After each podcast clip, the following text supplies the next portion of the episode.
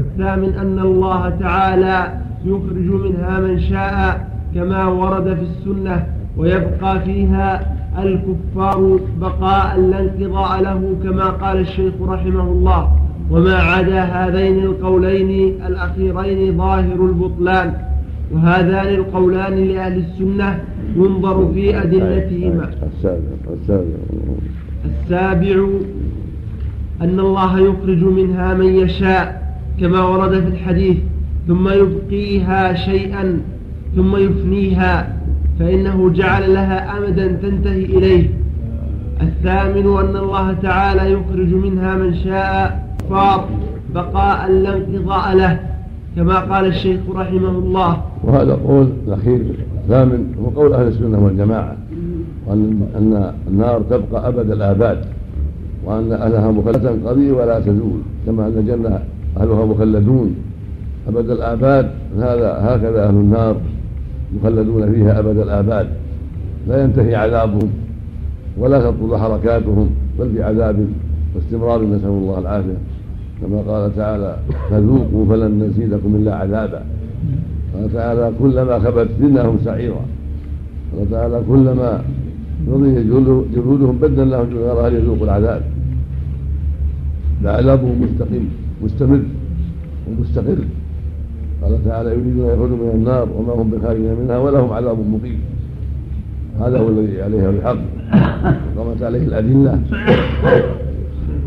الكتاب والسنه الا انه يخرج منها عصاة موحدين عند اهل السنه والجماعه عصاة موحدين لا يخلدون خلافا للخوارج المعتزله لان الخوارج المعتزله قالوا من دخلها لا يخرج منها بل عذابهم مستمر فيها ابد الاباء حتى العصاة الموحدين وهذا قول باطل والمعتزله والخوارج باطل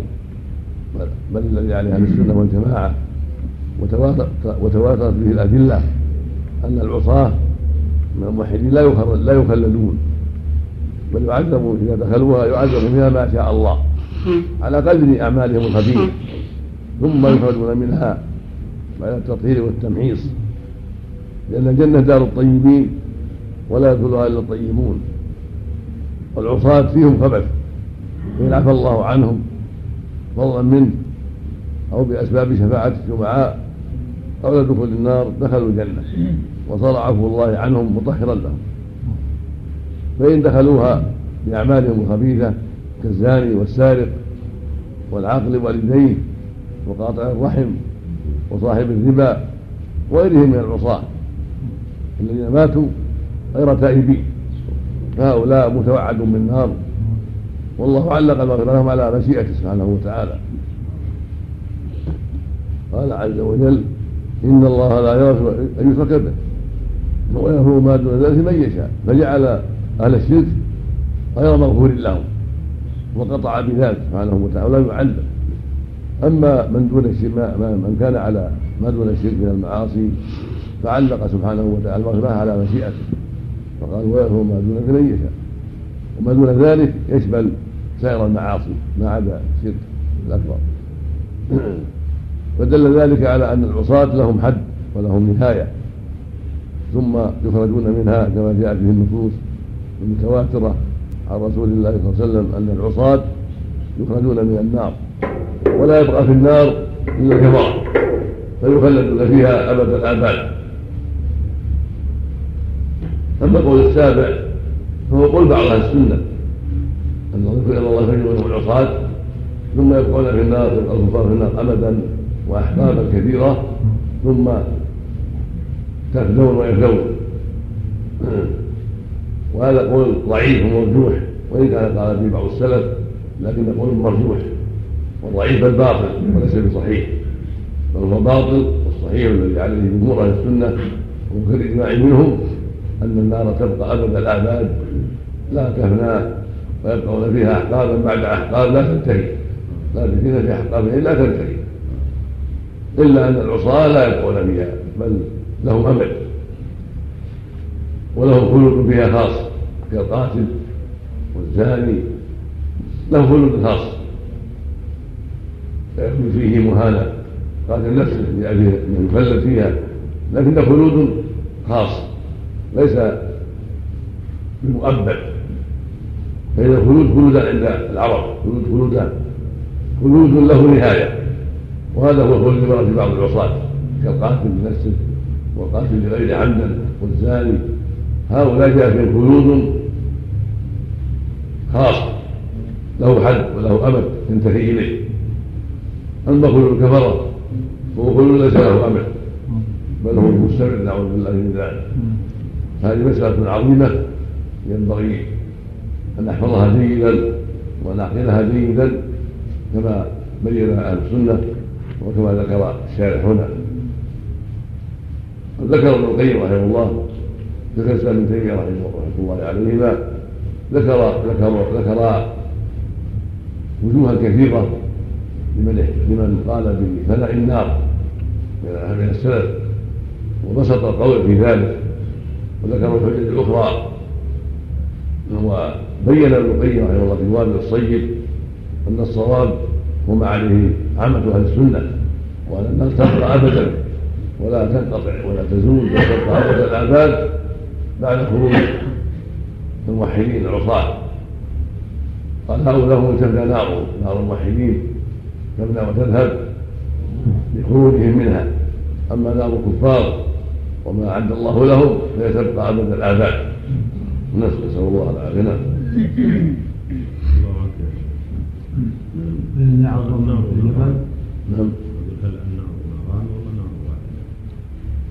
انواع من انواع انواع من النار مختلفه متفاوته متفاوته بعضها اشد من بعض وهي درجات بعضها تحت بعض تكون طبقات من اسفل هي اشد حرا واشد بلاء واسفلها الدرك الاسفل يعني النفاق ان المنافقين في الدرك الاسفل من النار نسال الله العافيه. كل البلاد العظم فيها جاء عن الحديث الصحيح الكفار يعذبون يعظمون فيها يعظمون فيها نسال الله العافيه. لكن راي ابن القيم في حد الارواح يميل الى يعني فنائه. ذكر الحجتين ولا اعلم انه صرح بمنع النار في كتب ولا ولا كتب الاسلام انما ذكر الحجج مجرد هذه وهذه ومقامهما مقام التوقف الا في اقوال مصرح بان نار الرحيميه للجنات والعصاة واما النار التي عدها الله سبحانه تبقى على الاعلى نعم سعيد نعم. نعم،, نعم نعم نعم بالنسبه للايه يا شيخ إن الله لا يغفر أن يشرك به ويغفر ما دون ذلك لمن يدخل فيها تارك الأوامر الصلاة يدخل فيها تارك الأوامر وفاعل النواهي ما عدا الصلاة فإن الحق أن أن تاركها كان كفر أكبر نسأل الله العافية هذا هو الصواب فيها أما الزكاة والصوم والحج فالجمهور على أن تاركها من غير جحد لا يجحد وجوبها ولكن تركها من غير جحد هذا لا يكفر ولكن يكون له حكم العصابة الكبائر واما تارك الصلاه فاختلف به العلماء اختلافا كبيرا ولكن الراجح والاصح ان تاركها كافر كفر اكبر لقول النبي صلى الله عليه وسلم بين الرجل وبين الكفر والشرك ترك الصلاه خرج مسلم في صحيح حديث جابر رضي الله عنه ولقوله صلى الله عليه وسلم ايضا العبد الذي بينه وبينهم الصلاه فمن تركها فقد كفر خرجه الامام احمد واهل السنن بلسان صحيح عن مريض رضي الله عنه والاحاديث اسباب الاسلام مع له الصلاه ولاحاديث اخرى احاديث انه بايع النبي أن النبي بايع اصحابه ان لا ينازع الامر اهله قال الا ان تروا كفرا واحد عندكم من الله برهان فاللفظ الاخر قال ما اقاموا فيكم الصلاه فدل ذلك على ان الذي لا يقيم الصلاه قد اتى كفرا واحد نسال الله العافيه نعم نعم نعم الدليل يبحثون من الكتاب والسنة السنة الصحيحة الصحيحين أبواب الابواب لها اقسام يعني احد مقسمين ولا نعم لها سبعه ابواب نعم كل باب قسم كل باب طبقه نسال الله العافيه طبقه نعم نعم الحديث يا شيخ اللي عرضنا عليه قبل مده الحديث الذي ذكر في معناه ان الرسول يعني قام ليله بنوية ابي ذر بآية وأنه قال لو علم الناس أو لعلمتهم هذا ربه أعطاه يعني لا يعني ترك بعضهم الصلاة وترك هذا حتى لا لو صح ما يدل على المقصود أو لو صح حاجة محكمة دالة على كفر هذه الصلاة وتشبهات ترد إلى المحكمات نعم أحسن الله إليك يا شيخ نعم. بعض العلماء يحتجون بحديث معاذ فيقولون أنه تارك الصلاة يعني كافر أو كفر دون كفر حديث معاذ وهي كل بابه واحد لأن تارك الصلاة كافر حديث يعني معاذ حق الله لا يعدوه فلا يشركوا به شيئا وحق العباد ان لا يعدوا ما يشركوا شيئا ومن ترك الصلاه فقد كفر فقد اشرك داخل في الشرك نعم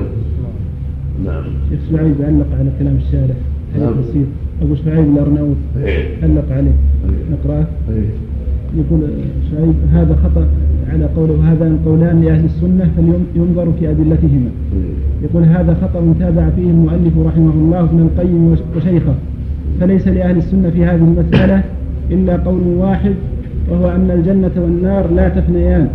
وقد أجمع المسلمون على ذلك وتلقوه خلفا عن سلف عن نبيهم صلى الله عليه وآله وسلم وهو مركوز في فطرة المسلمين معلوم من الدين بالضرورة وللإمام الحافظ علي بن عبد الكافي السبكي رسالة في هذا الموضوع أسماها الاعتبار ببقاء الجنة والنار وهي, نفي وهي نفيسة في بابها فلتراجع لزاما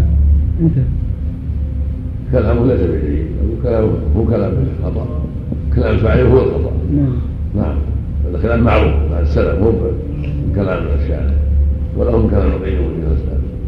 بل عن السلف الصالح المتقدمين من الصحابه والتابعين نعم سبحان الله جرأة الناس على الفاسد نعم الله إليك نعم. كلام ابن القيم في أن نار العصاة تفنى قسم النار الى نارين إيه، في محل نظر لكن هذا المقصود انه بشر عن النار بعد هذا المتعب ولا تبلغ مثلا شيء ثاني وجد بهذا لكن محل نظر قد تضاف الى النار اخرى قد تضاف الى النار قد تزول مثل ما قال قد تضاف الى النار العمى نسال الله العافيه الله نعم هذه العقول الدينيه ذكر المؤلفه الشيخ الاسلام قاعده الرد على من قال بمنع الجنه والنار شيخ الاسلام خطا من قال بهذا الحديث في نفس الفتاوى. يمكن له قول بعض بعض بعض الاشياء قد يكون لها اقوال رحمه عليه قال قديما ثم قال فلان في هذا معروف فتاوى غير الفتاوى نعم. نعم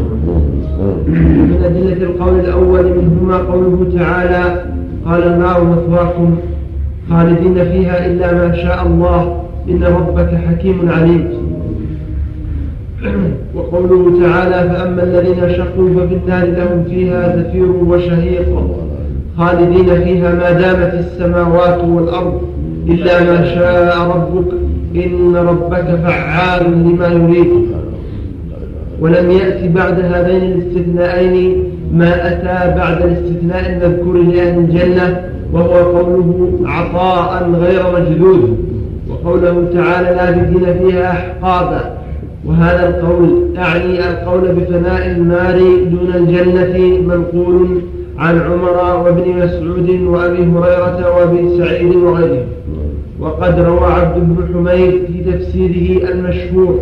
بسنده إلى عمر رضي الله عنه أنه قال لو لبث أهل النار في النار كقدر رمل عالج رمل عالج رمل عالج لكان كان لهم على ذلك وقت يخرجون فيه عن القضية نعم قال ضعيف لأنه من روايته لأنه من روايته عن الحسن قال قال عمر والحسن لم يدرك عمر رضي الله عنه نعم. وقال نعم وقال ابن القيم في حال الأرواح عقبه والحسن لم يسمع من عمر ومع ذلك فقد حاول تقويته بكلام آه، خطابي لا غناء فيه بكلام خطابي لا غناء فيه غناء لا غناء لا غناء فيه وقد روي نحو آه، راجع المستدرك وقد روي نحوه من عبد الله عن عبد الله بن عمرو موقوفا بسند ضعيف وعن ابي امامه مرفوعه بسند فيه تالف وقد تكلمت عليه من السلسلة الأحاديث الضعيفة والموضوع نعم يقول هو من حديث سلمان بن حرب عن حماد بن سلمة عن ثابت عن الحسن قال قال عمر بن الخطاب ومن حديث حجاج بن منهال عن حماد بن سلمة عن حميد عن الحسن أن عمر بن الخطاب وهذا سند الرجال ثقات لكنه منقطع الحسن لم يسمع من عمر والواسطة مجهولة وقد وقد روي نحوه عن عن عبد الله بن عمر موقوفا بسند ضعيف. عمر بن عمر نعم. بن بسند ضعيف وعن ابي امامه بسند فيه ثالث ومثل هذا المطلب لا يثبت بمثل هذه الاخبار الضعيفه. نعم. ذكر ذلك في تفسير قوله تعالى لابثين فيها احقابا نعم. قالوا والنار موجب غضبه موجب غضبه والجنة موجب رحمته وقد قال صلى الله عليه وسلم لما قضى الله الخلق كتب كتابا فهو عنده فوق العرش إن رحمتي سبقت غضبي وفي رواية تغلب غضبي تغلب غضبي رواه البخاري في صحيحه من حديث أبي هريرة رضي الله عنه قالوا والله سبحانه يخبر عن العذاب أنه عذاب يوم عظيم وأليم وعقيم ولم يخبر ولا في موضع واحد عن النعيم أنه نعيم يوم وقد قال تعالى عذابي أصيب به من أشاء ورحمتي وسعت كل شيء وقال تعالى حكاية عن الملائكة ربنا وسعت كل شيء رحمة وعلما فلا بد أن تسع رحمته هؤلاء المعذبين فلو بقوا في العذاب لا ولو بقوا فلو بقوا في العذاب لا إلى غاية لم تسعهم رحمته وقد ثبت في الصحيح تقدير يوم القيامة بخمسين ألف سنة والمعذبون فيها متفاوتون في مدة نبثهم في العذاب بحسب جرائمهم وليس في حكمة أحكم الحاكمين ورحمة أرحم الراحمين أن يخلق خلقا يعذبهم أبد الآباد عذابا سرمدا لا نهاية له وأما أن يخلق خلقا ينعم عليهم ويحسن ينعم عليهم ويحسن إليهم نعيما سرمدا فمن مقتضى الحكمة والإحسان مراد مراد مراد لذته والإحسان مراد لذته مراد لذاته والإحسان مراد لذاته والانتقام مراد بالعرض نعم. قالوا وما ورد من الخلود فيها والتأبيد وعدم الخلود لا لا لا من باب الأمور المشتبهة والأمور العامة ولكن الأدلة الخاصة والأدلة القطعية تبين هذا الشيء وأنه لا يعول عليه نعم لان كل ما اشتبه في الوضوء يرد الى المحكم نعم والمحكم يدل على استمرار عذابه نعوذ بالله نعم اعلم الله اعلم نعم, نعم. وما ورد من الخلود فيها والتأبيد وعدم الخروج وأن عذابها مقيم وأنه وراء كله حق مسلم لا نزاع فيه وذلك يقتضي الخلود في دار العذاب ما دامت باقية وإنما يخرج منها في حال بقائها أهل التوحيد ففرق بين من يخرج من الحبس وهو حبس على حاله وبين من يبطل حبسه بخراب الحبس وانتقاضه ومن أدلة الباء القائلين ببقائها وعدم فنائها قوله ولهم عذاب مقيم لا يفتر عنهم وهم فيه مبلسون ده قصة عامة اسمع في المؤمنين وغيرهم ولا قصة في أن النار في فنائها الشارع أنها للمشركين المؤمنين ولا في المؤمنين خاصة عصاة المؤمنين عصاة الموحدين يخرجون منها الكلام نفسي بقاها بعد خروج العصاة استمروا أبد الآباد ومن هذه الآية بعد خروج العصاة أما العصاة فلا خلاف في خروجهم نعم, نعم. خالدين فيها أبدا وما هم منها بمخرجين علق على قوله وما هم منها بمخرجين يعني غلط هذه الآية عن الجنه في النار فلا يهديهم الله الرحمن حسنات عليهم وما هم بخارجين من النار ايه الفقره ثم هذه في الجنه سبق قلم او سبق لنا نعم قالوا ما هم بخارجين منها وما هم نعم. بخارجين نعم. نعم. من النار الله بسان آتي ولا ويسلم نصر الله من هذه المخرجين في الجنه لا يمسون بها نصر ايه الحين لكن يعني آية المائدة نعم آية المائدة وما هم بخارجين منها ما آية البقرة كذلك يريدهم الله ما حصلت عليهم وهم بخارجين من النار آية البقرة أهل من فيها وما الحجر في فيها نعم المعدة فعلا والذين يخرجون من النار وهم بخارجين من النار ولهم عذاب مقيم هذه البقرة المعدة هذا الكفار نعم لا يدخلون الجنة حتى يلج الجمل في السم الخياط لا يقضى عليهم فيموتوا ولا يخفف عنهم من عذابها لا يقوم وما هم بخارجين من النار إيه، إيه، الله قبلها إيه. وما هم منها بمخرجين نعم. وما هم بخارجين من نعم وما هم بخارجين من النار نعم. لا يدخلون الجنة حتى يلج الجمل في سم الخياط لا يقضى عليهم فيموتوا ولا يخفف عنهم من عذابها إن عذابها كان غراما أي مقيما لازما وقد دلت السنة المستفيضة أنه يخ أنه يخرج من النار من قال لا إله إلا الله وأحاديث الشفاعة صريحة في خروج عصاة الموحدين من النار وأن هذا حكم مختص بهم وقد دلت السنة المستفيضة قال لا إله إلا الله وأحاديث الشفاعة صريحة في خروج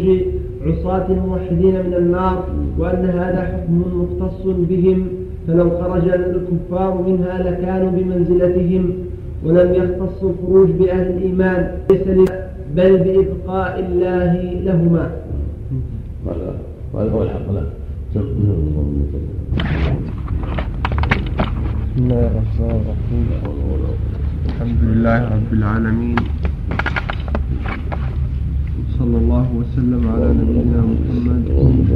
وعلى آله وصحبه أجمعين قال المؤلف رحمه الله تعالى قوله وخلق لهما أهلا قال تعالى ولقد ذرأنا لجهنم كثيرا من الجن والإنس وعن عائشة رضي الله عنها قالت دعي رسول الله صلى الله عليه وسلم إلى جنازة صبي من الأنصار فقلت يا رسول الله طوبى لهذا عصفور من عصافير الجنة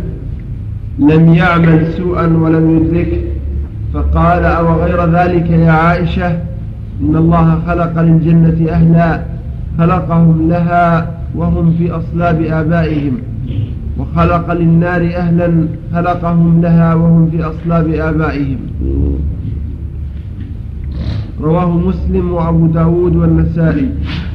وقال تعالى إنا خلقنا الإنسان من نطفة أمشاج نبتليه فجعلناه سميعا بصيرا المقصود من هذا اللهم صل وسلم المقصود من هذا بيان أن الله جل وعلا خلق الجنة وخلق لها أهلا يعملون بعمل أهل الجنة خلق النار وخلق لها أهلها وأرسل الرسل وأنزل الكتب لبيان الحق الذي به دخول الجنة والنجاة من النار وبيان الأعمال والأقوال التي من فعلها صار إلى النار ومن فعلها صار إلى الجنة حتى تقوم الحجة تنقطع المعذرة ويسير الناس على صراط مستقيم فلما قالت عائشة هذا طفل يكون من الجنة لم يعمل سوءا لم يدركه بين لها النبي صلى الله عليه وسلم أن أهل الجنة معروفون وأن أهل النار معروفون وأن الطفل وغير الطفل معروف مصيره ولهذا لما سئل عن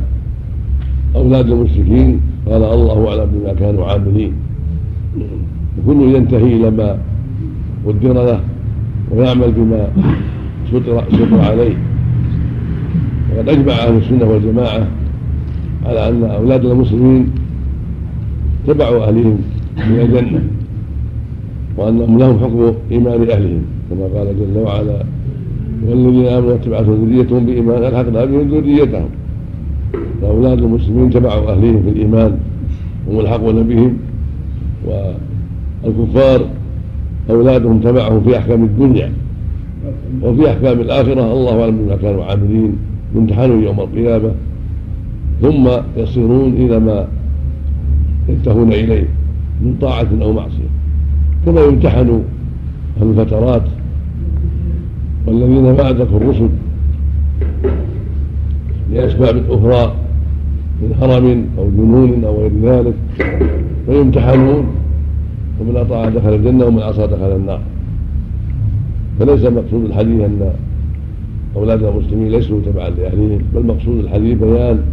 أن أهل الجنة معلومون وأن أهل النار معلومون ولا ينافي ما أجمع عليه أهل السنة من كون الأولاد أولاد المسلمين تبعا لأهلهم في الجنة وأن أولاد الكفار تبعا لأهلهم في أحكام الدنيا يسمعون معهم ويكون لهم حكمهم وفي الآخرة إذا ماتوا قبل البلوغ حكمهم حكم أهل الفترات كما قال النبي صلى الله عليه وسلم بما كانوا عاملين فيمتحنون يوم القيامة ومن أطاع صار إلى الجنة ومن عصى صار إلى النار نعم والمراد الهداية العامة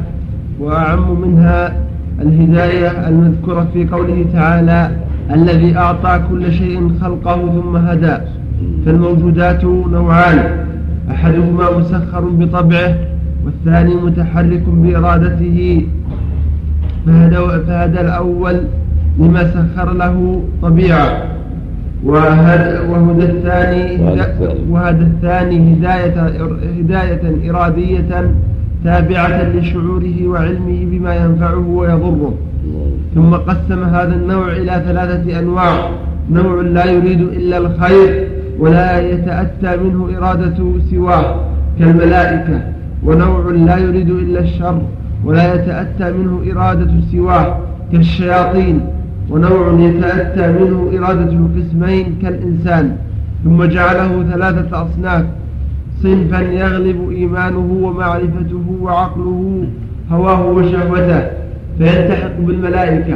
وصنفا عكسه فيلتحق بالشياطين وصنفا تغلب شهواته البهيمية آه، عقله فيلتحق بالبهائم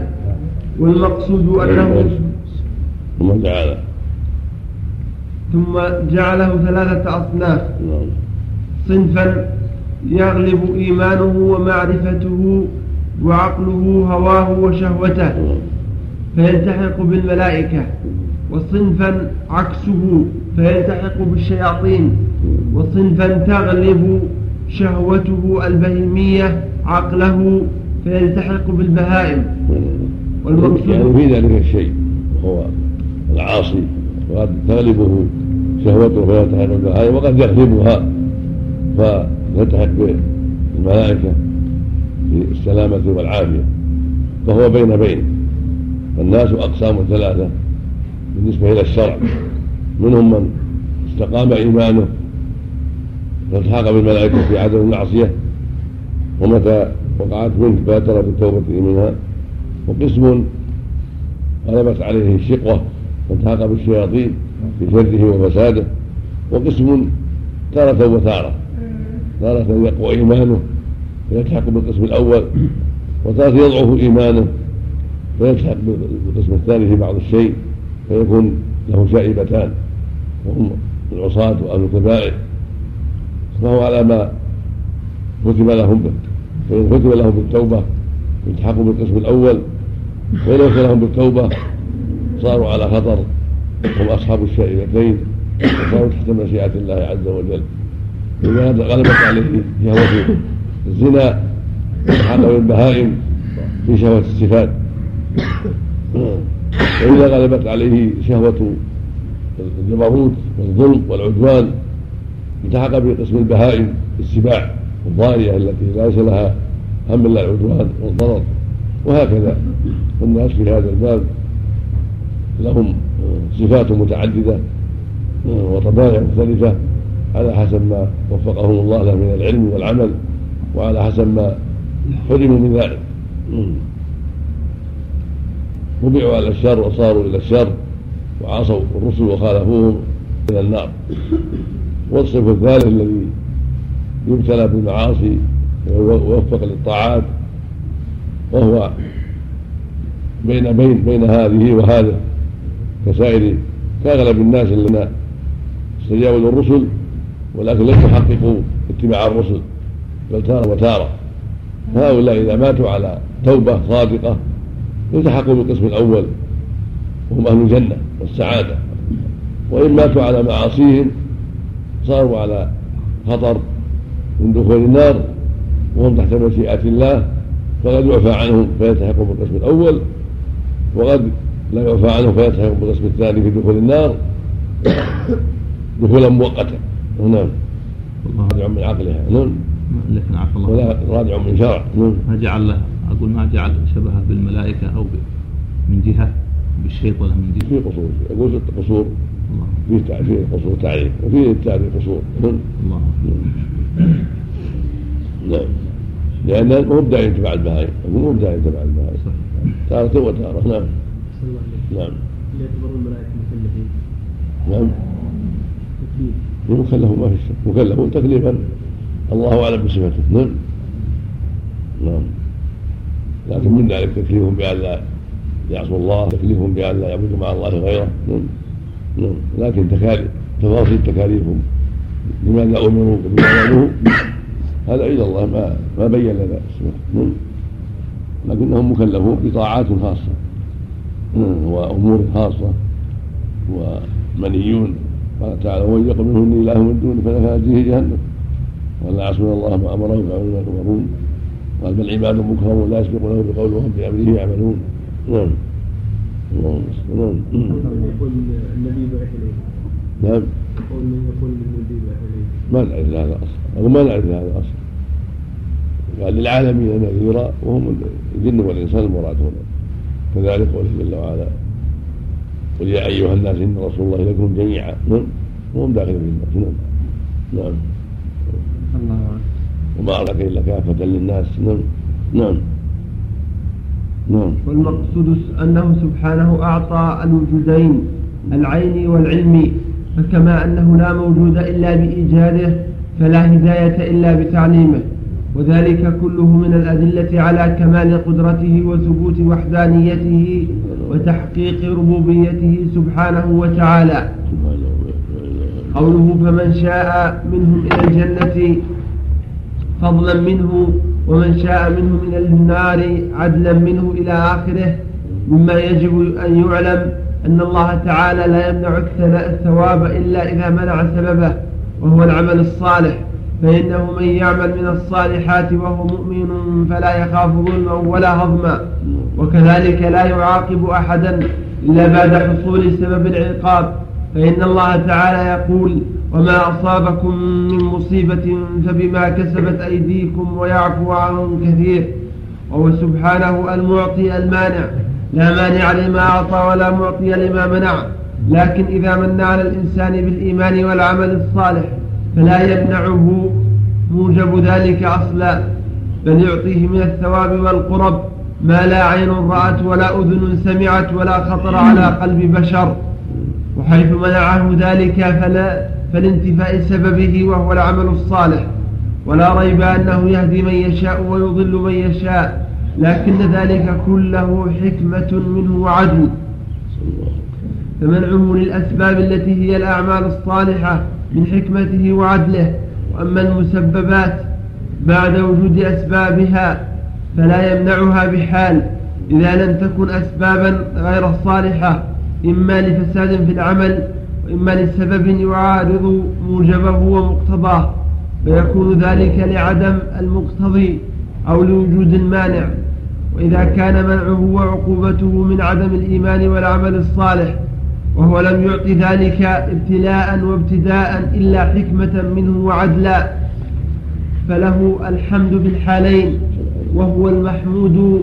بكل على كل حال كل عطاء منه فضل وكل عقوبة منه عدل فإن الله تعالى حكيم يضع الأشياء في مواضعها التي تصلح لها كما قال تعالى وإذا جاءتهم آية قالوا لن نؤمن حتى نؤتى مثل ما أوتي رسول الله الله أعلم حيث يجعل رسالته وكما قال تعالى وكذلك فتنا بعضهم ببعض ليقولوا أهؤلاء من الله عليهم من بيننا أليس الله بأعلم بالشاكرين ونحو ذلك وسيأتي لذلك زيادة إن شاء الله تعالى قوله والاستطاعة التي يجب بها الفعل بسم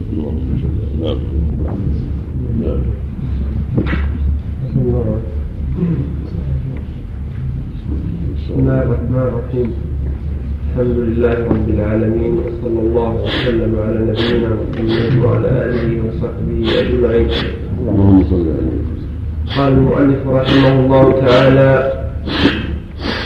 قوله والاستطاعة التي يجب بها الفعل من نحو التوفيق الذي لا يجوز أن يوصف به تكون مع الفعل وأما الاستطاعة من جهة الصحة والوسع وقوله خلق له نورا قليلا هذا قليلا وقول وكذلك فتنا بعضهم ببعض ليقولوا وهؤلاء من الله عليهم من بيننا أليس الله بأعلم بالشاكرين ونحو ونحو ذلك نعم. وسيأتي لذلك زيادة بيان إن شاء الله تعالى نعم. هذا قوله والاستطاعة التي نعم. وأما الاستطاعة من جهة الصحة والوسع, والوسع والتمكن وسلامة الآلات فهي قبل الفعل وبها يتعلق الخطاب وهو كما قال تعالى لا يكلف الله نفسا إلا وسعها هذه هذه الاستطاعة المرادة عند الإطلاق المراد التي يتمكن معها من الفعل الطاقة والوسع والقدرة من جهة الصحة من جهة العلم إلى غير ذلك نعم اما توفيق الله لعبده كونه يوفق يهدى ولا يهدى هذا الى الله سبحانه وتعالى واعلم باحوال العباد يهدي من يشاء ويضل من يشاء نعم الاستطاعة والطاقة والقدرة والوسع ألفاظ متقاربة وتنقسم الاستطاعة إلى قسمين كما ذكره الشيخ رحمه الله وهو قول عامة أهل السنة وهو الوسط وقالت القدرية والمعتزلة لا تكون القدرة إلا قبل الفعل وقام لهم طائفة من أهل السنة فقالوا لا تكون إلا مع الفعل والذي قاله عامة أهل السنة أن للعبد قدرة هي مناط الأمر والنهي وهذه قد تكون قبله لا يجب أن تكون معه والقدرة التي بها الفعل لا بد أن تكون مع الفعل لا يجوز أن يوجد الفعل بقدرة معدومة هذا قول اهل السنه نعم ان القدره لا تكون الا مع الفعل يعني اذكروا القدره التي بما لا توفر الاسباب والالاف هل هذا قول لبعض اهل السنه طائفه من اهل السنه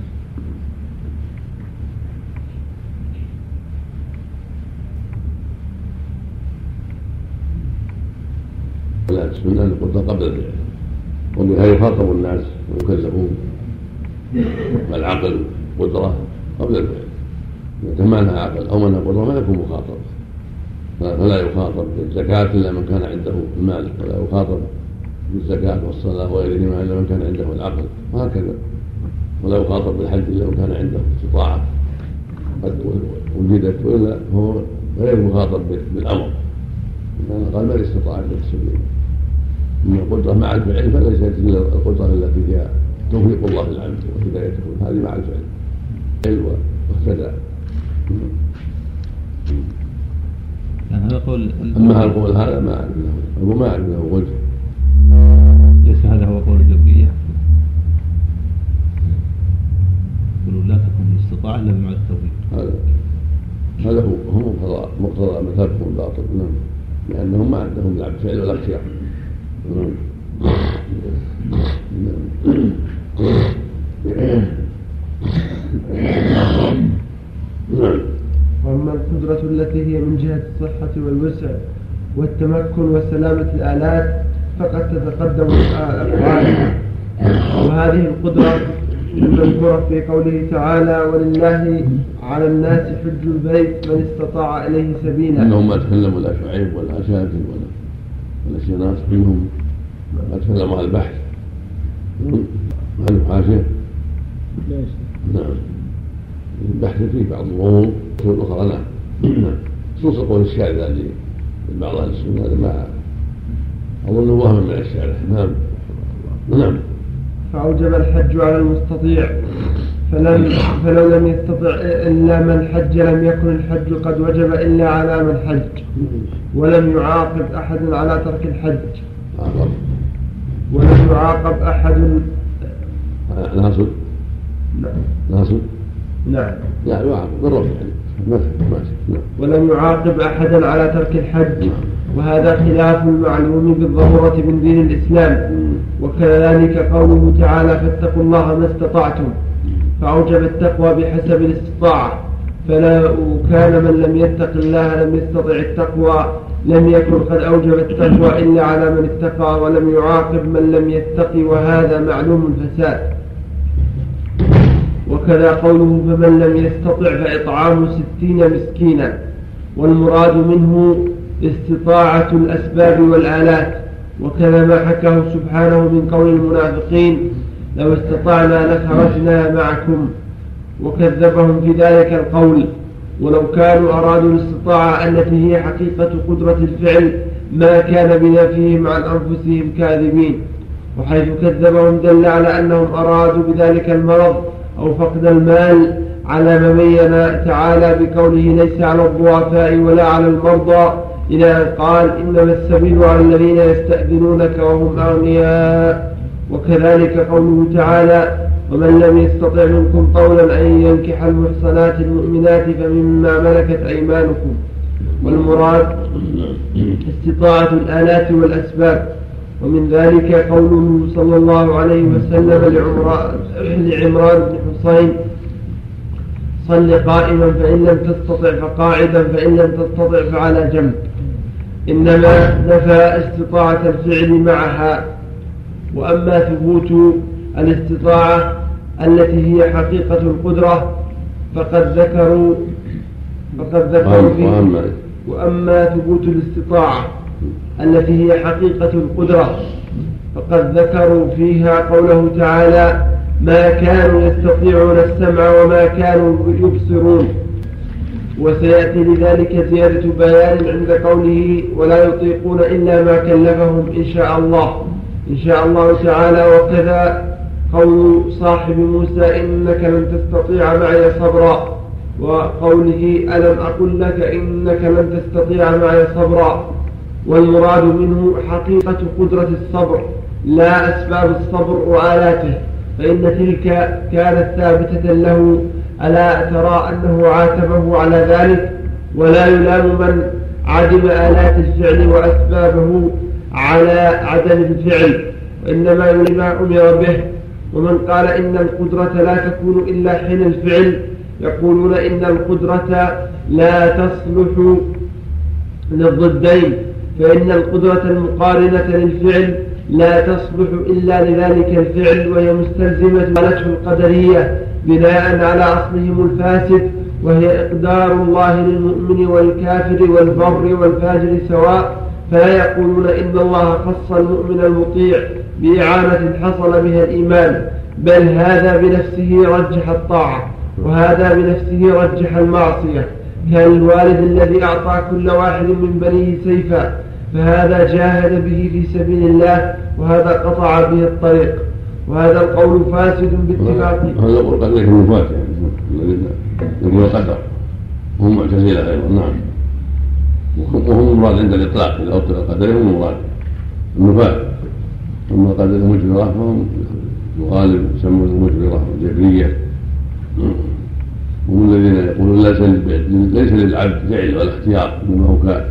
كالريشه في مهب بالريح لا ليس له قدره وهذا من افسد الاقوال نسال الله العافيه نعم وهذا القول فاسد باتفاق اهل السنه والجقول على ان لله على عبده المطيع نعمه دينيه وانه اعانه على الطاعه اعانه لم يعن بها الكافر كما قال تعالى ولكن الله حبب اليكم الايمان وزينه في قلوبكم وكره إليكم الكفر والفسوق والعصيان أولئك هم الراشدون فالقدرية يقولون إن هذا التحبيب والتزيين عام في كل الخلق وهو بمعنى البيان وإظهار دلائل الحق والآية تقتضي أن هذا خاص بالمؤمن ولهذا قال أولئك هم الراشدون والكفار ليسوا راشدين وبعد فضل من الله ونعمه خصهم بهذا فضل من الله ونعمه سبحانه وقال فمن يريد الله أن يهديه يشرح صدره للإيمان للإسلام ومن يريد أن يضله يجعل صدره ضيقا حرجا كأنما يصعد في السماء كذلك يجعل الله الرجس على الذين لا يؤمنون وأمثال هذه الآية في القرآن كثير يبين أن يبين أن سبحان أنه آه، أن سبحانه نعم. يبين أنه نعم. سبحانه هدى هذا وأضل هذا قال تعالى من يهد الله فهو المهتدي ومن يضلل فلن تجد له وليا مرشدا وسيأتي لهذه المسألة زيادة بيان إن شاء الله تعالى وأيضا فقول القائل يرجح بلا مرجح إن كان لقول إن كان لقوله يرجح معنى زائد على الفعل فذاك هو السبب المرجح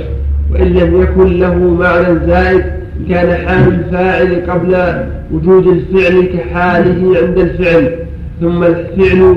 حصل في إحدى الحالتين دون الأخرى بلا مرجح وهذا مكابرة للعقل فلما كان أصل قول القدرية إن فعل إن فاعل الطاعات وتاركها كلاهما في الإعانة والإقدار سواء امتنع على أصلهم أن يكون مع الفعل قدرة تخص على الفعل والترك والحالة لا تكون إلا قبل الفعل وهذا باطل مطلقا فإن وجود الأمر مع عدم بعض شروطه أن يكون جمارا وحال وجود الفعل يمتنع الترك فلهذا قالوا القدرة لا تكون إلا قبل الفعل وهذا باطل مطلقا فإن وجود الأمر مع عدم بعض شروطه الوجودية ممتنع بل لا بد أن يكون جميع ما يتوقف عليه الفعل من الأمر من الأمور الوجودية موجودا عند الفعل فنقيض قولهم حق وهو أن الفعل لا بد أن يكون معه قدرة لكن أصل هذا الإثبات هنا لكن صار أهل الإثبات هنا وظنوا أن القدرة عرض فلا تبقى يمتنع وجودها قبل الفعل والصواب أن القدرة نوعان كما تقدم نوع مصحح للفعل يمكن أن يمكن معه الفعل والترك وهذه هي التي يتعلق بها الأمر والنهي وهذه تحصل للمطيع والعاصي وتكون قبل الفعل وهذه تبقى إلى حين الفعل إما بنفسها عند من يقول ببقاء الأعراض وإما بتجدد أمثالها عند من يقول إن الأعراض لا تبقى زمانين وهذه قد تصلح للضدين وأمر الله مشروط بهذه الطاقة فلا يكلف الله من ليس معه هذه الطاقة وضد هذا العجز كما تقدم وأيضا فالاستطاعة المشروطة بالشرع أخص من الاستطاعة التي يمتنع الفعل مع عدمها فإن الاستطاعة الشرعية قد تكون ما ما يتصور الفعل مع عدمها وإن لم يعجز عنها وإن لم يعجز عنه فالشارع ييسر على عباده ويريد بهم اليسر ولا يريد بهم العسر وما جعل عليكم في الدين من حرج والمريض قد يستطيع القيام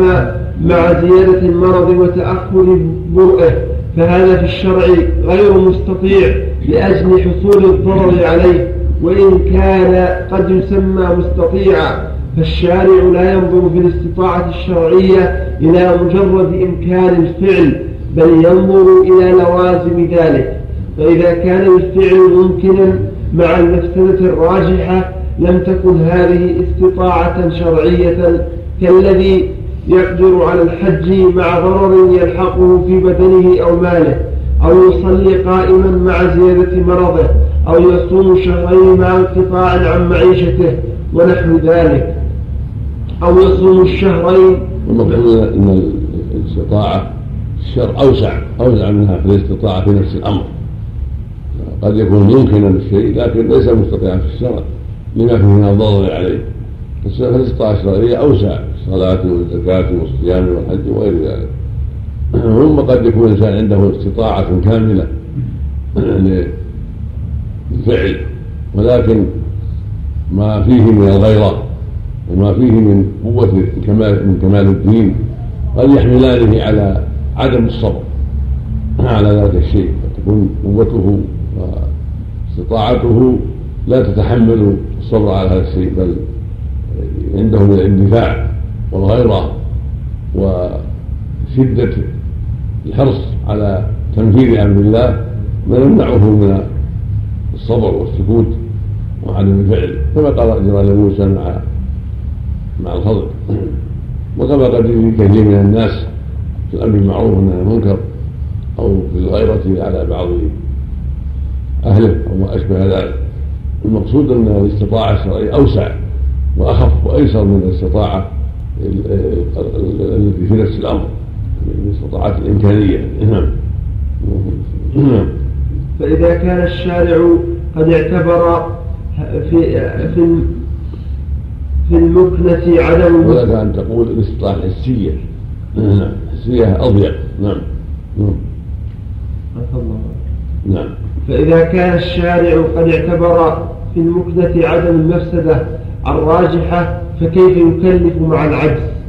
ولكن هذه الاستطاعة مع بقائها إلى حين الفعل لا تكفي في وجود الفعل ولو كانت كافية لكان التارك كالفاعل بل لا بد من إحداث إعانة أخرى تقارن مثل جعل الفاعل مريدا فإن الفعل لا يتم لا يتم إلا بقدرة وإرادة والاستطاعة المقارنة تدخل فيها الإرادة الجازمة بخلاف المشروطة بالتكليف فإنه لا يشترط فيها الإرادة فالله تعالى يأمر بالفعل من لا يريده لكن لا يأمره بما يعجز آه، عنه العبد وإذا اجتمعت الإرادة الجازمة والقوة التامة لزم وجود الفعل وعلى هذا ينبني تكليف ما لا يطاق وإذا وإذا اجتمعت الإرادة الجازمة والقوة التامة لزم وجود الفعل وعلى هذا ينبني تكليف ما لا يطاق فإن من قال القدرة لا تكون إلا مع الفعل يقول كل كافر وفاسق قد كلف ما لا يطيق وما لا يطاق للعجز عنه فهذا لن يكلف أحدا ويفسر بما لا يطاق للاشتغال بضده فهذا هو الذي وقع فيه التكليف كما في أمر العباد بعضهم بعضا فإنهم يفرقون بين هذا وهذا فلا يأمر السيد عبده الأعمى بنقط المصاح ويأمره إذا كان قاعدا أن يقوم ويعلم الفرق ويعلم الفرق بين الأمرين بالضرورة قوله وأفعال العباد الأمهات من وجب عليه صوم شهرين نعم لكنه ينقطع عن معيشته حتى يصوم بسم الله الرحمن الرحيم نعم بسم الله الرحمن الرحيم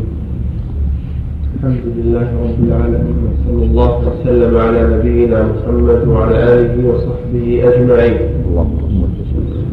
قال المؤلف رحمه الله تعالى قوله وافعال العباد هي خلق الله وكسب من العباد اختلف الناس في أفعال العباد الاختيارية وهي كلها اضطرارية كحركات المرتعش والعروق النابضة وحركات الأشجار وإضافتها إلى الخلق مجاز وهي على حسب ما يضاف الشيء إلى محله دون ما يضاف إلى محصله وقابلتهم المعتزلة فقالوا إن جميع الأفعال الاختيارية من جميع الحيوانات بخلقها لا تعلق لها بخلق الله تعالى وقالت وقابلتهم المعتزلة فقالوا إن جميع الأفعال الاختيارية من جميع الحيوانات بخلقها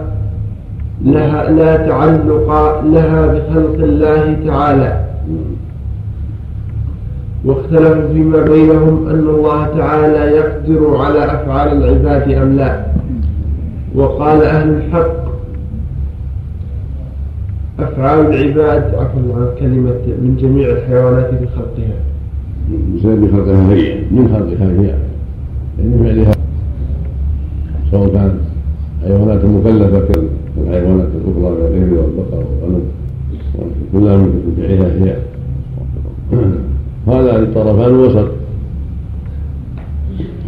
مثل ما قال الشيخ القيم رحمه الله في الواسطية وهم وسط في باب أفعال الله بين الجبرية والقدرية الجبرية أجبروا قالوا ليس العبد فعل وإنما هو كريشة في مهب الريح كأغصان الشجر وأشباه ذلك والمعتزلة ولا السنة والجماعة ولأن وهو أن أفعال العباد مخلوقة لله وهي من أفعالهم منسوبة إليه لكنها بقدر انسان وهي منسوبة إلى أهلها فالعبد هو المصلي وهو الصائم وهو الزاني وهو الفاسق وهو السارق أفعالهم تنسب إليه وله اختيار فيها وله مشيئة ولكنها بعد مشيئة الله وبعد قدره السابق لا يقع في ملكه ما لا يريد سبحانه وتعالى كما قال عز وجل لمن شاء منكم ان يستقيم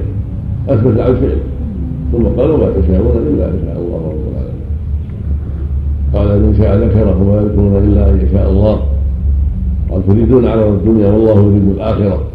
الله والله كبير ما تعملون بل ما يصنعون بل ما تفعلون والله بالاخره ما تعملون الى غير هذا من الادله الداله على ان له افعالا ولهم اعمالا وعلى ان له اختيارا وله مشيئه لكنها لا تقع الا مشيئه الله سبحانه وتعالى لكمال ملكه كما يقول لا يقاتلون كما لا يريد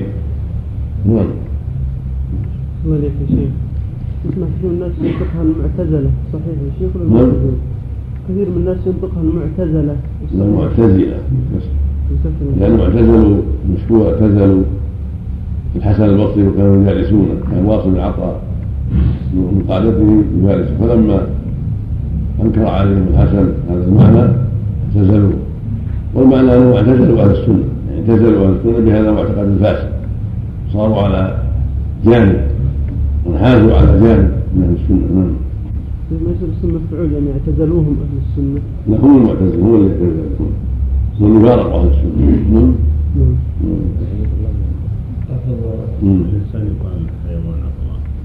إيه، من حيوان ناطق. نعم. نعم. وقال أهل الحق أفعال العباد بها صاروا مطيعين وعصاة وهي مخلوقة لله تعالى والحق سبحانه وتعالى منفرد بخلق المخلوقات لا خالق لها سواه فالزهرية غلوا في إثبات القدر فنفعوا صنع العبد أصلا كما عملت المشبهة في إثبات الصفات فشبهوا والقدرية نفاة القدر جعلوا العباد خالقين مع الله تعالى ولهذا كانوا مجوس هذه الأمة بل أردى من المجوس من حيث أن المجوس أثبتوا خالقين وهم أثبتوا خالقين وهدى الله المؤمنين أهل السنة لما اختلفوا فيه من الحق بإذنه والله يهدي من يشاء إلى صراط مستقيم فكل دليل صحيح يقيمه الجبري فإنما يدل على أن الله خالق كل شيء على أن الله خالق كل شيء وأنه على كل شيء قدير وأن أفعال العباد من جملة مخلوقاته وأنه ما شاء كان وما لم يشأ لم يكن ولا يدل على أن العبد ليس بفاعل حقيقة الحقيقة ولا مريد ولا مختار وأن حركاته الاختيارية بمنزلة حركة المرتعش وهبوب الرياح وحركات الأشجار وكل دليل وكل دليل صحيح يقيمه القدري فإنما يدل على أن العبد فاعل لفعله حقيقة وأنه مريد له مختار له حقيقة وأن إضافته ونسبته إليه إضافة حق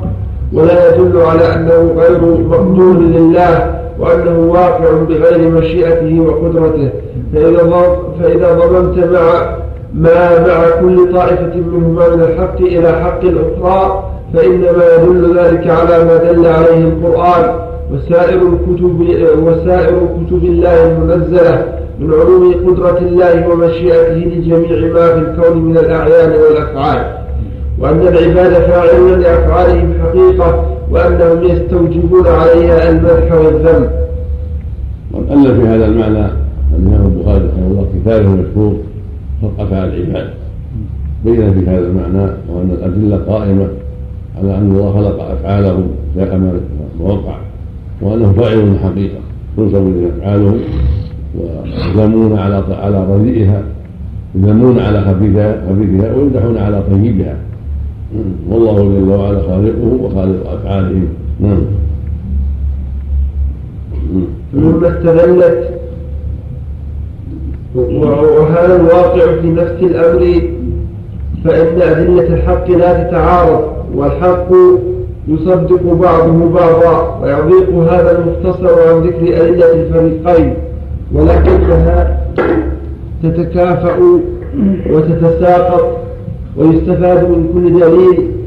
ويستفاد من دليل كل فريق بطلان قول الآخر لكن ولكن أذكر شيئا مما استدل به كل من الفريقين ثم أبين أنه لا يدل على ما استدل عليه من الباطل فمما استدلت به الجبرية قوله تعالى وما رميت إذا رميت ولكن الله رمى فنفى الله عن نبيه الرمي وأثبته لنفسه سبحانه فدل على أنه لا صنع للعبد قالوا والجزاء غير مرتب على الأعمال بدليل قوله صلى الله عليه وسلم لن يدخل أحد الجنة بعمله قالوا ولا أنت يا رسول الله قال ولا أنا إلا أن يتغمدني الله برحمة منه وفضله ومما استدل به القدرية قوله تعالى فتح يعني, يعني النفاق النفاة يعني إذا القدرية فهم النفاة وإذا قيل الجبرية فهم المرجعة القدرية المرجعة قوله تعالى فتبارك الله أحسن الخالقين قالوا والجزاء مرتب على الأعمال ترتب العوض ترتب العوض كما قال تعالى جزاء بما كانوا يعملون وتلك الجنة التي أورثتموها بما كنتم تعملون ونحو ذلك فأما ما استدلت به الجبرية من قوله تعالى وما رميت إذ رميت ولكن الله رمى فهو دليل عليهم لأنه تعالى أثبت لرسوله صلى الله عليه وسلم رميا بقوله إذ رميت فعلم أن المثبت غير المثبت فعلم أن المثبت غير المنفي وذلك أن الرمي له ابتداء وانتهاء فابتداؤه الحذف وانتهاؤه الإصابة وكل منهما يسمى رميا فالمعنى حينئذ والله تعالى فالمعنى حينئذ والله تعالى أعلم وما أصبت إذ حذفت ولكن الله أصاب وإلا طرد قولهم وما صليت إذ صليت ولكن الله صلى وما صمت إذ صمت وما زليت إذ زليت وما سرقت إذ سرقت وفساد هذا ظاهر مناسب قولهم باطل كبير وشر عظيم والله جل وعلا هو الذي سدد الرماية ووفق المجاهدين حتى هزم عدوه المجاهدون يوم بدر وغير بدر رموا وفعلوا ما يستطيعون من الكيد للعدو والحرص على هزيمته بما استطاعوا من رمي وضرب السير ومن رمح ومن حملات متنوعة على العدو ومن انتهاز فرصة غرته وغير هذا مما يحاوله المجاهد مع خصمه والتوفيق بيد الله هو اللي يوفق الذي ما يسدد حتى يصيبوا حتى يؤثروا في عدوهم وحتى ينهزم عدوهم وحتى يلقى فيهم الرعب في قلوبهم الرعب الى غير ذلك فالاحفاد الجوله من المجاهدين واما كونها تنجح وكون الرجل يصيب والعدو ينهزم كونه يقع في قلبه الرعب والجل هذا شيء بيد الله جل وعلا هو الذي يسدد الخطى ويعين على ما يقع سبحانه وتعالى واما ترتب الجزاء على العمل فقد ضلت فيه الجبريه والقدريه وهدى الله اهل السنه ولله الحمد والمنه فان الباء التي في النفي غير الباء التي في الاثبات فالمنفي في قوله صلى الله عليه وسلم لن يدخل الجنه احد بعمله باء العوض وهو ان يكون العمل كالثمن لدخول الرجل إلى الجنة كما زعمت المعتزلة أن العامل مستحق دخول الجنة على ربه بعمله بل ذلك برحمة الله وفضله والفاء التي في قوله تعالى جزاء بما كانوا يعملون باء السبب أي بسبب عملكم والله تعالى هو خالق الأسباب والمسببات والمسببات فرجع الكل إلى بعد فضل الله ورحمته والمعنى أن الله جعل الأعمال أسباب للجنة كما جعلها أسبابا للنار وأما كونه أدخلهم الجنة ومن عليهم الجنة هذا هو فضله سبحانه ورحمته إياهم ومن رحمته جعل أعمالهم سببا لدخول الجنة وتقبلها منهم وعفى عن سيئاتهم هذا محض وجوده سبحانه وتعالى ولهذا لما ذكر تحبيبه للايمان وتكريهه للكفر قال فضلا من الله ونعمه ولكن الله حبب له الايمان وزينه في قلوبكم وكره اليكم الكفر والفسوق والعصيان اولئك هم الرافضون فضلا من الله ونعمه والله عليم حكيم نعم. واما استدلال المعتزله بقوله تعالى فتبارك الله احسن الخالقين فمعنى الايه احسن المصورين المقدرين والخلق يذكر ويراد به التقدير وهو المراد هنا بدليل قوله تعالى الله خالق كل شيء أي الله خالق كل شيء مخلوق فدخلت في فدخلت أفعال العباد في عموم كل وما أفسد قولها في إدخال كلام الله تعالى في عموم كل الذي هو صفة من صفاته يستحيل عليه أن يكون مخلوقا وأخرجوا أفعالهم التي هي مخلوقة من عموم كل وهل يدخل في عموم كل إلا ما إلا ما هو مخلوق فذاته المقدسة وصفاته غير داخلة في هذا العموم ودخل سائر المخلوقات في عمومها وكذا قوله تعالى والله ومعنى الله خالق كل شيء يعني الله بصفاته مو مجرد الذات الله بصفاته خالق كل شيء هل من خالق غير الله فالله بصفاته هو الخالق وما سواه هو المخلوق من سماء وارض وجن وانس وملائكه وغير ذلك هم المخلوقون ذواتهم وابعادهم فالخالق تبارك الله في الخالقين يعني المقدرين والمصورين الاشياء وقد قدر خلق كذا يعني قدر وتامل وصور بنفسه او بارادته او كذا او شبه ذلك من هذا قول الشاعر ولا انت تفري ما خلقته غيره بعض القوم يخلق ثم لا يفري يعني يقدر ولكن ما يحصل من الايجاد والفعل ولا انتم تخلقوا ما تقولوا وبعض بعض وقوم يخلق ثم لا يدري يعني ثم لا يوجد الاشياء ويشق الطريق ويعمل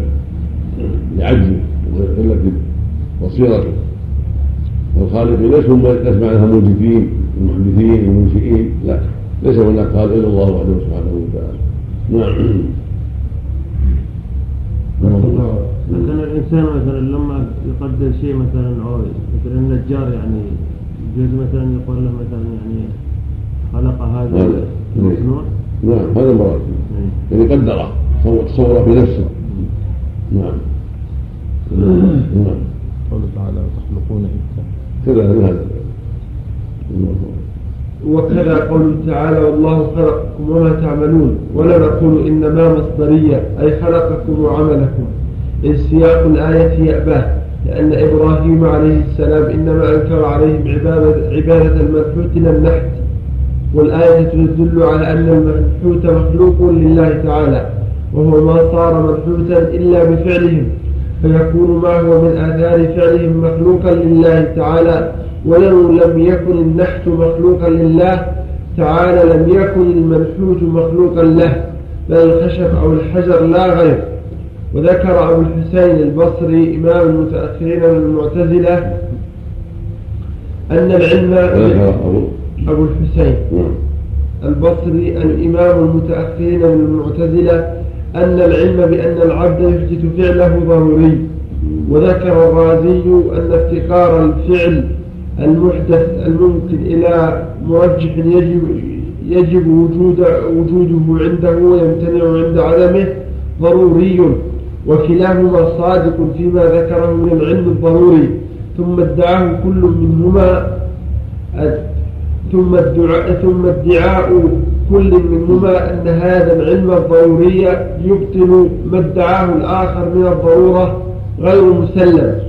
بل كلاهما صادق فيما ادعاه من العلم الضروري وإنما وقع غلطه في إنكاره ما مع الآخر من الحق فإنه لا منافاة بين كون العبد محدثا لفعله وكون هذا الإحداث وجب وجوده بمشيئة الله تعالى كما قال تعالى ونفس وما سواها فألهمها فجورها وتقواها فقوله فألهمها فجورها وتقواها إثبات للقدر بقوله فألهمها وإثبات لفعل العبد بإضافة الفجور والتقوى إلى نفسه ليعلم أنها هي الفاجرة والمتقية وقوله بعد ذلك قد أفلح من زكاها وقد خاب من دساها إثبات أيضا لفعل العبد ونظائر ذلك كثيرة وهذه شبهة أخرى من شبه القوم التي فرقت بل مزقتهم كل ممزق وهي أنهم قالوا كيف يستقيم الحكم على قولكم بأن الله يعذب المكلفين على ذنوبهم وهو خلقها فيهم فأين العدل في تعذيبهم على ما هو خالقه وفاعله فيهم وهذا السؤال لم يزل مطروقا في العالم على ألسنة الناس وكل منهم يتكلم في جوابه بحسب علمه ومعرفته وعنه تفرقت بهم الطرق فطائفة أخرجت أفعالهم عن قدرة الله تعالى وطائفة أنكرت الحكم والتعليل الحكم والتعليل وسدت باب السؤال وطائفة أثبتت كسبا لا يعقل جعلت الثواب والعقاب عليه وطائفة التزمت لأجله وقوع مقدور بين قادرين ومفعول بين فاعلين وطائفة التزمت الجبر وأن الله يعذبهم على ما لا يقدرون عليه وهذا السؤال هو الذي أوجب التفرق والاختلاف والصحيح والجواب الصحيح عنه أن يقال إن ما يبتلى به العبد من الذنوب الوجودية وإن كانت خلقا لله تعالى فهي عقوبة له على ذنوب قبلها فالذنب يكسب الذنب فالذنب يكسب الذنب ومن عقاب السيئة السيئة بعدها فالذنوب كالأمراض التي يورث بعضها بعضا يبقى أن يقال فالكلام في الذنب الأول الجالب لما بعده من الذنوب يقال هو عقوبة أيضا على عدم فعل ما خلق له وفطر عليه فإن الله سبحانه خلقه لعبادته وحده لا شريك له وفطره على محبته وتأليهه والإنابة إليه كما قال تعالى فأقم وجهك للدين حنيفا فطرة الله التي فطر الناس عليها فلما لم يفعل ما خلق له وفطر عليه من محبة الله وعبوديته وعبوديته والإنابة إليه عوقب على ذلك بأن زين له الشيطان ما يفعله من الشرك والمعاصي فإنه فإنه صادف قلبا خاليا قابلا للخير والشر ولو كان فيه ولو كان فيه الخير الذي يمنع ضده لم يتمكن منه الشر كما قال تعالى كذلك لنصرف عنه السوء والفحشاء إنه من عبادنا المخلصين وقال إبليس فبعزتك لأغوينهم أجمعين إلا عبادك منهم المخلصين وقال تعالى وقال الله عز وجل هذا صراط علي مستقيم إن عبادي ليس لك عليهم سلطان والإخلاص خلوص القلب من تأليه ما سوى الله تعالى وإرادته ومحبته فخلص لله فلم يتمكن منه الشيطان وأما إذا صادفه فارغا من ذلك تمكن منه بحسب فراغه فيكون جعله مذنبا مسيئا في هذه الحال عقوبة له على عدم هذا الإخلاص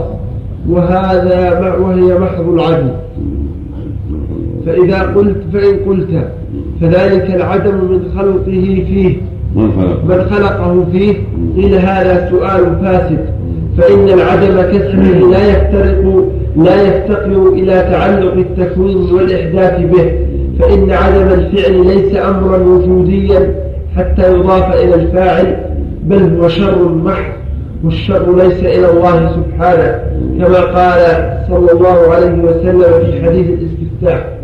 لبيك وسعديك والخير كله في يديك والشر ليس إليك وكذا في حديث الشفاعة ويوم القيامة حين يقول الله له يا محمد فيقول لبيك وسعديك والخير في يديك والشر ليس إليك وقد السلام رواه البزار عن حذيفة موقوفا ورجاله رجال الصحيح والطبراني في الأوسط عنه مرفوعا وفيه ليث بن أبي سليم وهو مدلس وبقية رجاله ثقات كذا في المجمع قلت ومن طريق الليث أخرجه الحاكم أيضا وقال وقد استشهد بليث بن أبي سليم ما زال نفس الكلام وقد أخبر الله تعالى أن تسليط الشيطان إنما هو على الذين يتولونه والذين هم به مشركون فلما تولوه دون الله دون الله أو وأشركوا به معه عوقبوا على ذلك بتسليطه عليهم وكانت هذه الولاية والإشراك عقوبة قوم القلب وفراغه من الإخلاص من الإخلاص فإلهام البر والتقوى ثمرة هذا الإخلاص ونتيجته وإلهام الفتور عقوبة على قلوبه من الإخلاص فإن قلت إن كان هذا الترك أمرا وجوديا عاد السؤال جدعا وإن كان أمرا عدميا فكيف يعاقب على العدم المحض فكيف يعاقب على العدم المحض قيل ليس هنا قيل ليس هنا ترك هو كف النفس ومنعها عما تريده وتحبه فهذا قد يقال إنه أمر وجودي وإنما هنا عدم وخلو من أسباب الخير وهذا العدم هو محض بها مما هو أنفع شيء لها والعقوبة على الأمر العدمي هي بفعل السيئات لا بالعقوبات التي تناله بعد إقامة الحجة عليه بالرسل فلله فيه عقوبتان إحداهما جعله مذنبا خاطئا وهذه عقوبة عدمها عدم إخلاصه وهذه عقوبة عدم إخلاصه وإنابته وإقباله على الله وهذه العقوبة قد آه، وهذه العقوبة قد لا يحس بألمها ومضرتها لموافقتها شهوته وإرادته وهي في الحقيقة من أعظم العقوبات والثانية العقوبات المؤلمة بعد فعله للسيئات وقد قرن الله تعالى بين هاتين العقوبتين في قوله تعالى فلما نسوا ما ذكروا به فتحنا عليهم أبواب كل شيء فهذه العقوبة الأولى ثم قال حتى إذا فرحوا بما أوتوا أخذناهم بغتة فهذه العقوبة الثانية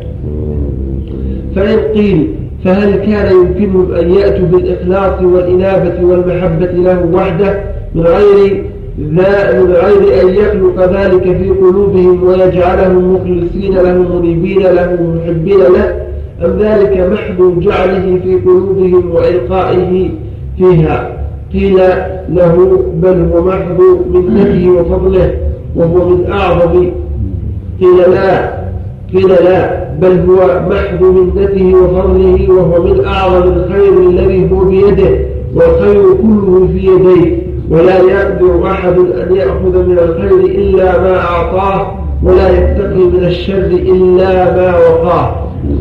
فإن قيل فإذا لم يخلق ذلك في قلوبهم ولم يوفقوا له ولا سبيل لهم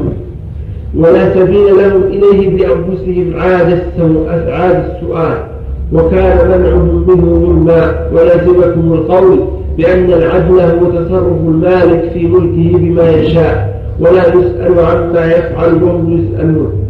قيل لا يكون سبحانه بمنعهم من ذلك ظالما وإنما يكون المانع ظالما إذا منع غيره حقا لذلك الغير عليه وهذا هو الذي حرمه الرب على نفسه وأوجب على نفسه خلافه وأما إذا منع غيره ما ليس بحق له بل هو محض فضله ومنته عليه لم يكن ظالما بمنعه فمنع الحق ظلم ومنع الفضل والإحسان عدل وهو سبحانه العدل في منعه كما هو المحسن المنان بعطائه فإن قيل فإذا كان العطاء والتوفيق إحسانا ورحمة فهل كان العمل له هو الغلبة كما أن رحمته تغلب غضبه فهل فهل فهل فهلا كان العمل له هو الغلبة كما أن رحمته تغلب غضبه قيل المقصود في هذا المقام بيان أن هذه العقوبة المترتبة على هذا المنع والمنع المستلزم للعقوبة ليس هو بل هو محض العدل وهذا سؤال عن الحكمة التي أوجبت تقديم العدل على الفضل في بعض المحال في بعض المحال وهل سوى بين العباد في الأرض في الفضل وهذا السؤال حاصله لم لما تفضل على هذا ولم يتفضل على الآخر وقد تولى الله سبحانه الجواب عنه بقوله ذلك فضل الله يؤتيه من يشاء والله ذو الفضل العظيم وقوله لئلا يعلم أهل الكتاب ألا يقدرون على شيء من فضل الله وأن الفضل بيد الله يؤتيه من يشاء والله ذو الفضل العظيم ولما سأله اليهود والنصارى عن تقصير هذه الأمة بأجرين وإعطائهم هم أجرا أجرا قال هل ظلمتكم من حقكم شيئا قالوا لا قال فذلك فضلي أؤتيه من أشاء وليس في الحكمة إطلاع كل فرد من أفراد الناس على كمال حكمته في عطائه ومنعه بل إذا كشف الله عن بصيرة العبد حتى أبصر طرفا يسير من حكمته حتى أبصر طرفا يسيرا بل إذا كشف الله عن بصيرة العبد حتى أبصر طرفا يسيرا من حكمته في خلقه وأمره وثوابه وعقابه وتخصيصه وحرمانه وتأمل أحوال محال ذلك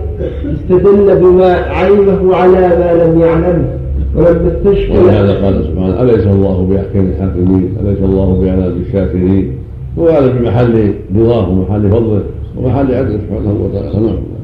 نعم. نعم. ولما استشكل أعداء المشركون هذا التخصيص قالوا أهؤلاء من الله عليهم من بيننا قال تعالى مجيبا لهم